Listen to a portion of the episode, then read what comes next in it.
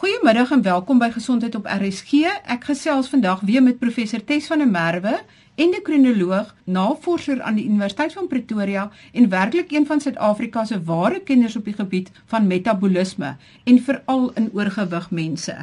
Ons is nou op die oomblik besig met skud dit afmaal 2 wat ons mense probeer help om gewig te verloor. Daar is heelwat vrae van luisteraars wat te doen het met metabolisme. En professor Tes van der Merwe gaan vandag vir ons help om van hierdie dinge beter te verstaan. Een van die vrae wat die luisteraars gevra het is: Ek sukkel om gewig te verloor en die dokter het my gediagnoseer met fatty liver disease. Wat beteken dit? Wat moet ek anders te eet of doen sodat ek wel kan gewig verloor? Marie, dit is wat ons in die mediese terme ook beskryf as NASH. Baie keer sal luisteraars hoor daar word na verwys as NASH. Dit staan vir non-alcoholic steatosis wat beteken natuurlik vervetting of the hepas en dan in erger grade gaan hulle baie keer hoor dat daarna verwys word as NAFLD. Dit is non-alcoholic fibrosis of the liver. Nou daar is verskeie redes hoekom 'n mens 'n vervetting van die lewer kan ontwikkel waarvan oorgewig by ver die mees algemene oorsaak is. Maar dit is ook so dat baie diabetes wat baie swak gekontroleerd is en veral insulienafhanklike diabetes geweldig baie vet in die lewer kan stoor. Nou voordat ons verder gaan, Marie, wil ek dit net baie duidelik maak vir die lesers, daar is 'n geweldige sterk genetiese komponent tot hoeveel vet 'n mens in die lewer kan stoor. Met ander woorde, as ma en pa die vermoë gehad het om buitengewoon baie vet te stoor, dan sal jy ook daai vermoë hê en dit gaan dikwels hand aan hand met 'n familiegeskiedenis van oorgewig en suikersiekte. Wat doen ons daaraan en wat is die implikasies daarvan? Wat doen ons daaraan? Ons moet onmiddellik gewig afskud. 'n Minimum van 10 tot 15% van die gewig moet so vinnig as moontlik verloor word en baie keer is 'n radikaal vastende dieet aangedui om lewerfunksies onmiddellik te verbeter. En Marie, jy ken my, dit is nie iets wat ek graag aanbeveel vir lesers nie. Ek hou nie van enige radikale extreme nie. Ek hou nie van buitengewone lae kalorie dieete nie, maar dit is een van daai gevalle waar 'n mens werklik moet kyk na jou gesondheidssituasie en sê vir die volgende 12 tot 14 weke sal ek my kalorieinname moet sny tot 1200 en selfs minder om 'n verbetering te veroorsaak in die vetensieme. Hoe sien jou dokter dit raak? Dit kom baie duidelik op jou bloedtoetse voor. Party mense is daar meer gesofistikeerde ondersoeke wat gedoen word waar ons kyk na sonografiese ondersoeke van die lewer en ons kan baie duidelik sien dat die lewer gloei letterlik soos 'n vuurvliegie en ons weet dat daai hoeveelheid vet in die lewer is abnormaal tot die werking van die lewer. Wat is die implikasies daarvan? Tweeledig. Die een is dit kan tot onomkeerbare sirrose lei. En tot omtrent met 'n dekade gelede was ons nie baie seker wat die werklike oorsake van sirrose wêreldwyd was nie. Dit was algemeen bekend dat alkohol 'n groot uh, bydraende komponent tot sirrose is, maar vandag as gevolg van die vetsugepidemie wêreldwyd, weet ons dat die grootste enkele oorsaak van sirrose van die lewer vervetting van die lewer is. So dit is geensins 'n situasie wat ons ligtelik kan beskou nie. Daar moet onmiddellik opgetree word om jou lewer te beskerm en die implikasies daarvan vir die pasiënt self is is dat sodra daar vervetting in die lewer is, kan hierdie fabriek, jou lewer, wat een van jou belangrikste suiweringsorgane is, net gewoon nie meer voortgaan met sy suiweringswerk nie. Ek wil dit ook baie pertinent aan die publiek stel dat met onmiddellike effek met alle alkohol lewenslank gestaak word want dit is werklik soos om olie op die vuur te gooi. Sjoe, dit is met ander woorde 'n baie ernstige situasie wat glad nie ligtelik opgeneem moet word nie. Glad nie, Marie, en ek dink dat as 'n mens werklik bekommerd is, is daar meriete daarin om of 'n gastro-enteroloog te besoek wat jou kan lei of 'n endokrinoloog minstens moet die pasiënte met 'n onmiddellike gewigsverliesprogram begin. Alle alkohol met onmiddellike effek elimineer en 10 tot 15% van hulle gewig so vinnig as moontlik afskud. Nou gaan ek my weer eens verstout Marie om dit bietjie verder te vat en te sê dat die literatuur wys ook baie duidelik dat die enigste werklike langtermyn oplossing vir ernstige NASH is om bariatriese chirurgie te doen want die verandering in die hormone wat afgeskei word kan 'n onmiddellike resolusie veroorsaak van die vervetting van die lewer binne 6 tot 10 weke. So vir daai pasiënte wat wel op die regte mediese fondsplan het is en wat die vermoë het om kyk na die opsie van metabooliese chirurgie met 'n BMI van 35 bo, dit is een van die kriteria wat die mediese fondse wel oorweeg ten gunste van bariatriese chirurgie. Goed, baie dankie. Ek sal seker maak dat die persoon wat hierdie navraag ingestuur het, hierdie antwoord kry.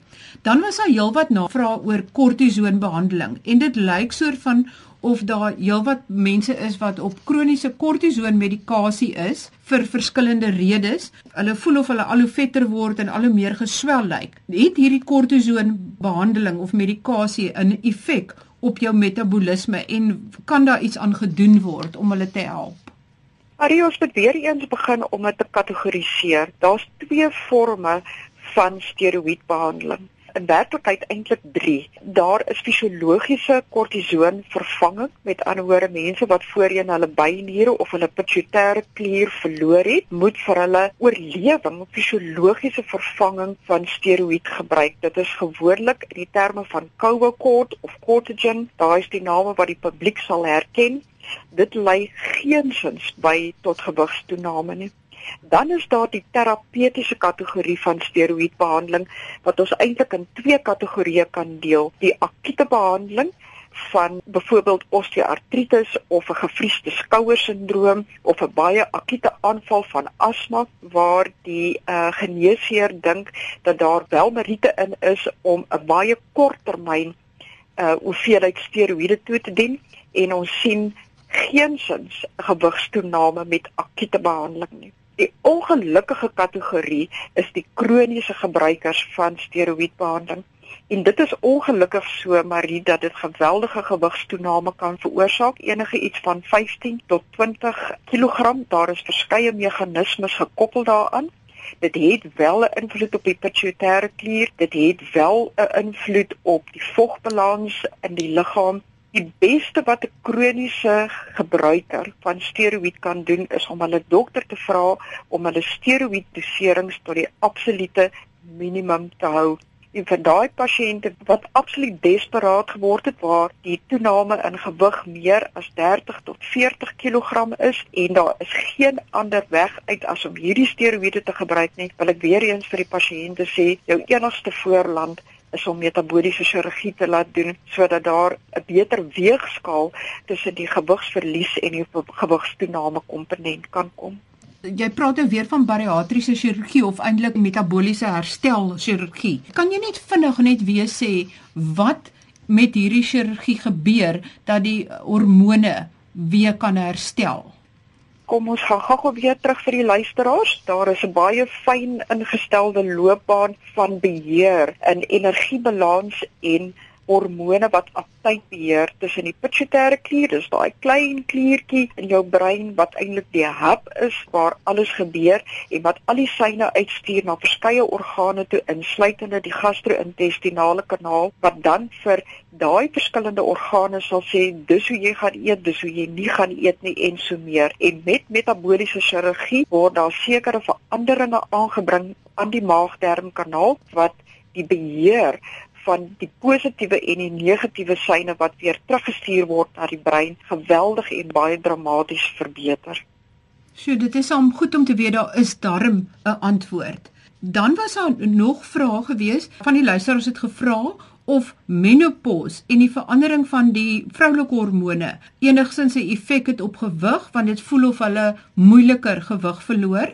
Is dit so of is daar nie bewyse daarvoor nie? Marie, ek is so bly ons kom uiteindelik by hierdie vraag uit want ek dink daar is soveel verwarring en ek sien amper op 'n daaglikse basis vrouens in my spreekkamer waar hulle voorgeskrewe hormoonvervanging se muur gestaak het omdat een of ander inligtingstuk of een of ander onverantwoordelike tydskrif beweer het dat hormoonvervanging die rede is vir hulle gewigstoename. Die teenoorgestelde is waar. Kom ons kyk wat gebeur tydens die menopause. Jy het 'n radikale en 'n baie skielike afname in estrogen en progesteroon. Dit is nou maar die siklus van die lewe, dit is die verloop van die lewe.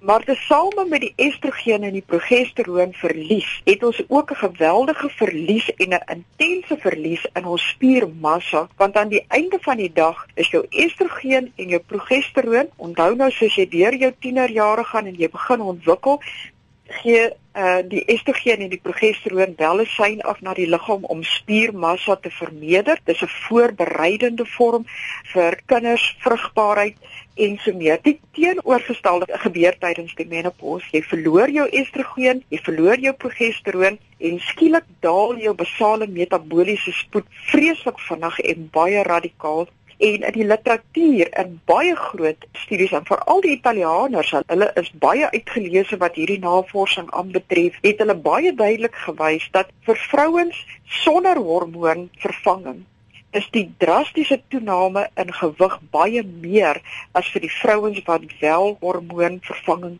kan gebruik. En dit is in elke vrou se beste belang om dit met haar ginekoloog te beskerm. As daar nie 'n absolute teenaanduiding is soos borskanker in jouself of borskanker in jou onmiddellike en nabye familie of 'n uiters uitgesproke familiegeskiedenis van beroertes is daar absoluut geen rede hoekom vrouens nie hormoonvervanging kan gebruik om hulle spiermassa en daarmee saam hulle metabolisme te beskerm nie.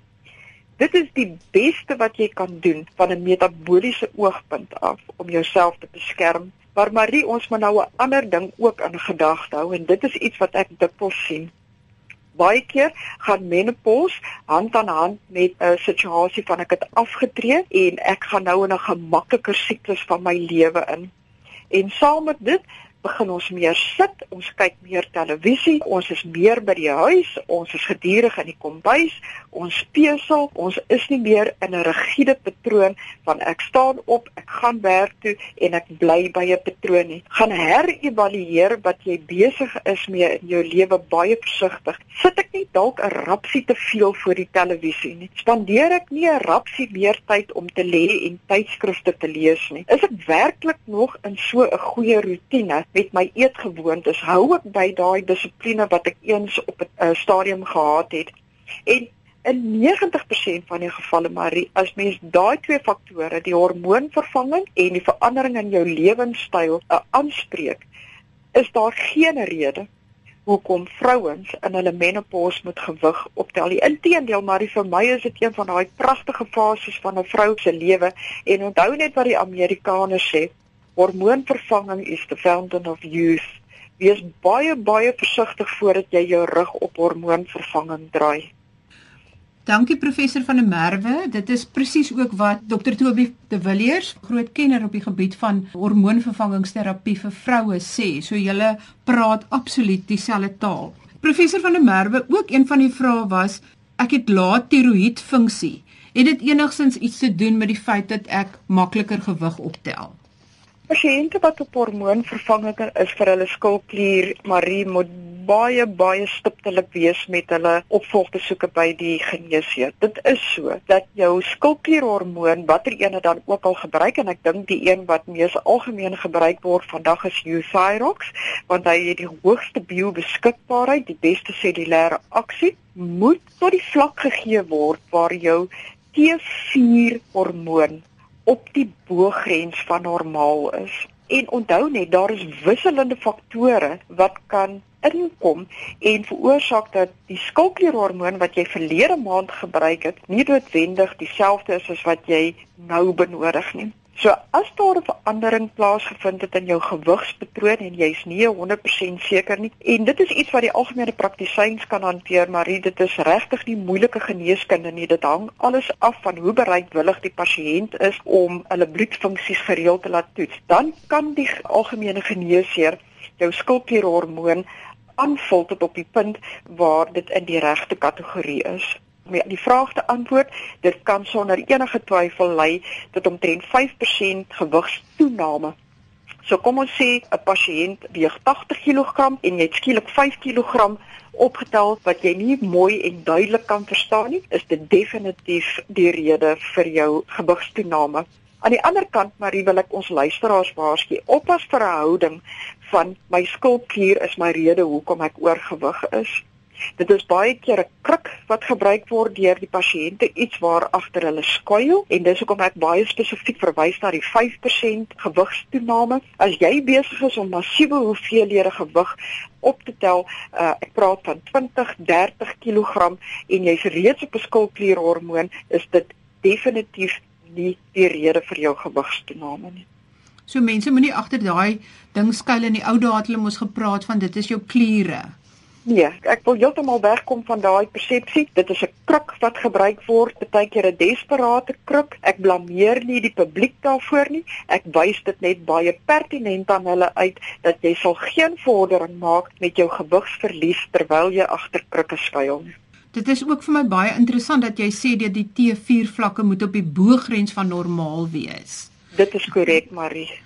Goed, dan is daar 'n vraag oor Ons het nou daag gepraat oor hormiese met die dieetkundiges. Wat is die beginsel van hormiese? Kan jy dalk ietsie meer daarvan verduidelik van hoekom dit werk?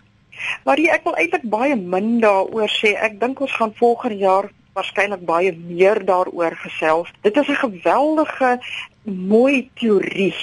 Die hele beginsel van hormesis het oor die laaste, ek sou sê 2 tot 3 jaar weer geweldig baie aandag gekry in die wetenskappe. Dit word geskool op die yin-yang effek van die lewe net soos wat ons yin en yang kry binne die teorieë van die geestelike, is daar ook 'n tipe en ek sê dit in aanhalingstekens, 'n yin yang effek wat ons kry in die liggaam onder sekere omstandighede waar iets wat van 'n stresvolle gebeurtenis in die liggaam baie keer 'n geweldige hoë bydrae kan maak op 'n molekulêre vlak tot die verbetering van gesondheid. En ons sal nog baie hieroor gesels want dit is 'n onderwerp wat geweldig baie aandag kry in die literatuur. En interessant genoeg, Marie, nie net op die vlak van gewigsbeheer nie, op die vlak van kankerbeheer, op die vlak van behandeling van depressiwiteit en so aan, maar om dit baie eenvoudig vir die luisteraar te stel, waarop dit neerkom is is dat as jy twee of een dag se vastende periodes het in die liggaam per week kan dit 'n molekulêre reaksie veroorsaak wat die liggaam stres net genoegsaam om sekere geweldige verbeteringe in die liggaamsfunksie plaas te laat vind. Mens moet nou nie tot die uiterste gaan en sê maar ek gaan vir 7 dae lank vas nie, want dan bereik jy weer die teenoorgestelde. So dit is 'n baie fyn lyn wat 'n mens loop, baie fyn wetenskap, baie goed molekulêr gedokumenteer. Kom ons hou hierdie spasie dop vir 2015. Goed, dan sit 'n goeie rede om jou weer as 'n gas op gesondheid op RSG te kry. Dan wil ek gehoor het, kan mens iets oorkom van honger? Marie, vergewe my, ek moet lag. Andersins as dat dit 'n baie onaangename ervaring is. Nee, 'n mens kan nie iets oorkom van honger nie, maar duidelik is dit so dat 'n mens wil nie elke dag van jou lewe deur fases van honger gaan nie. Dit is 'n onaangename sensasie vir die meeste mense, maar ek dink dit is ook 'n sensasie wat 'n mens soos party van die boeddhistiese gelowe nie moet sien noodwendig as 'n vyand nie. Ek dink dat 'n mens moet baie keer die die van honger op twee maniere interpreteer. Of dat daar iets met jou metabolisme verkeerd is as jy gedurig wil eet of aan die ander kant moet 'n mens sê om honger te wees is 'n natuurlike reaksie van die liggaam en watter voedingsstowwe gaan ek gebruik om myself ten beste te help met die hongersensasie maar honger per se het nog nooit iemand doodgemaak nie goed net dit help baie. Want baie mense is bang vir honger dan eet hulle sommer voor die tyd baie sodat hulle nooit honger moet wees nie. Korrek. Jy is heeltemal korrek, Marie, dit is 'n wanopvatting. Dan is daar nog 'n vraag, waarom moet 'n mens minder fruktose inneem? Wat maak fruktose dan anderste as gewone suiker? Fruktose het, het 'n baie vinnige metabooliese baan met 'n baie vinnige opnameproses in die koolhidraat metabolisme en baie keer is fruktose een van daai voedselstowwe wat nie so soet proe nie. En jy kan hom in geweldige hoë hoeveelhede inneem binne 'n geweldige kort tydperk en hy veroorsaak 'n ongelooflike oorstimulasie van die insuliensekresie. So in beginsel met 'n mens baie veral vir die fruktose strope omdat hulle nie so soet proe nie, kan 'n mens baie keer 'n geweldige fout maak. Ek dink ons lewe ook met die wanpersepsie dat as 'n mens die woord fruktose hoor dat jy onder die illusie verkeer dat dit anders as sukrose is en dit is eintlik inderwaarheid in hierdie geval nie. So mens moet stadig oor die klippe met fruktose. Sonder enige twyfel, beperk dit tot die minimum, net soos wat 'n mens suikerinname of verfynde suikerinname tot die minimum moet beperk. Elke mens het 'n bietjie energie nodig uit hulle suiker, dit is waar, en ons moet nooit heeltemal daarvan al wegskram nie, maar 'n mens moenie lewe met die persepsie dat omdat ek fruktose eet in plaas van sukrose, dat ek beter af is in terme van my metabolisme nie. En natuurlik is fruktose in groot hoeveelhede teenwoordig in vrugtesappe, gekonsentreerde vrugtesappe en ook in vrugte. Larry, ek wil nie eers weer my uitspreek oor hierdie vrugtesap gedrinkery nie. Ek dink dit is die grootste onding wat die moderne samelewing nog ooit getref het. As ons kyk na die advertensie, lyk dit tog so aanloklik. Dit is altyd een van hierdie advertensies waar die koue vloeistowwe druppel oor 'n vreeslike dorsmond en dit lyk so aanloklik en dit lyk so gesond en dit verkoop tog so goed. Oppas vir dit. Goed, en dan is daar 'n vraag, waarom is dit nie gesond om meer diervette in te neem nie? Dit is nou byvoorbeeld professor Tim Noakes wat aanbeveel dat mens meer diervette inneem of dit is hoe baie sy aanbevelings verstaan.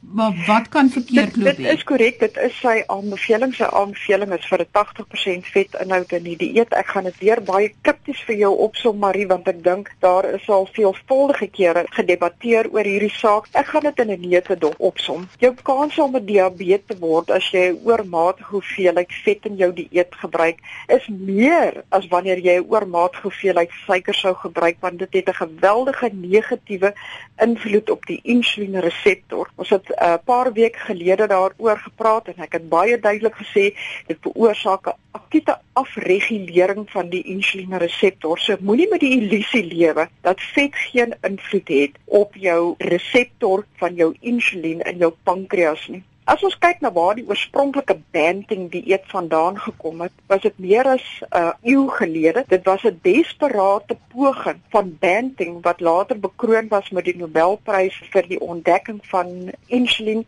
wat 'n pasiënt gehad het wat aan suikersiekte gely het en terwyl hulle gewag het om die insulien te verfyn in die laboratorium was die enigste manier wat hy sou kon voorsien om die pasiënt aan die lewe te hou was om alle suiker uit die dieet uit te verwyder. Ons lewe nie meer as 100 jaar terug nie. Banting het in elk geval nooit enige intensie gehad om diervette lewenslank aan enige pasiënt voor te skryf nie. En dit is totaal 'n uh, nuttelose konsep geword in die tyd wanneer ons suiker siekte op ander maniere vandag kan hanteer soos met insulien, uh, medikasie ensovoorts. So wat my aanbetref is die banting konsep is argaïs. Dit het geen toepaslikheid in die moderne lewe of die moderne wetenskappe nie. Afgesien van die feit dat in Suid-Afrika ons 'n geweldige hoeveelheid uh, homogene leiers het en heterogene leiers het van 'n verhoogde cholesterol. Dit is maar deel van ons geskiedenis. Dit is iets waaraan die Suid-Afrikaanse bevolking ly en waaraan ons blootgestel is tot 'n baie hoë mate. En dit is totale onverantwoordelike eetwyse in 'n populasie met so uitgesproke geskiedenis van hartaanvalle. Dan kan ek help om te vra nie professor Tim Nouk sê ook dat uh, verhoogde cholesterol vlakke het nie eintlik iets te doen of is nie 'n aanduider van hartprobleme of hartvaskiekte nie. Maar dit is totaal onverantwoordelike stelling om te maak. Ja, dit is so dat daar baie faktore is wat bydra tot hartvaskiektes, maar ons kan weer eens nie onverantwoordelik optree en sê dat as dit een van die groot 5 is en ons die 5 grootes Marie net om ons uh, publieksgeheue weer te verfris, is cholesterol, hipertensie, 'n uh, familiegeskiedenis, mense wat rook en diabetes. Daai is die 5, ons noem hulle the big 5. Jy kan nie omdraai en sê omdat dit my teorie pas, gaan ek een van die groot 5 ignoreer om dit in te druk in 'n persepsie wat my teorie beter sal laat werk nie. As die publiek nie weet wat die groot 5 is en jy tree onverantwoordelik op deur vir hulle te sê maar ignoreer een van die groot 5, dan is ons besig met 'n dobbelspel. Goed, mens kon dit nie sterker gestel het nie en ek hoop die publiek neem kennis daarvan. Dan net 'n laaste vraag, sal dit help om leptin pille te drink? daar is nie so iets soos 'n leptin pil nie, Marie. Dit bestaan nie. As iemand besig is om leptin pille aan jou te verkoop, hardloop, liefie hardloop, want hy is besig om jou sak uit te byt met 'n placebo pil. Leptin word net vervaardig in die mees gevorderde laboratoriums in die wêreld vandag waarvan Cambridge waarskynlik die een is met die meeste ondervinding.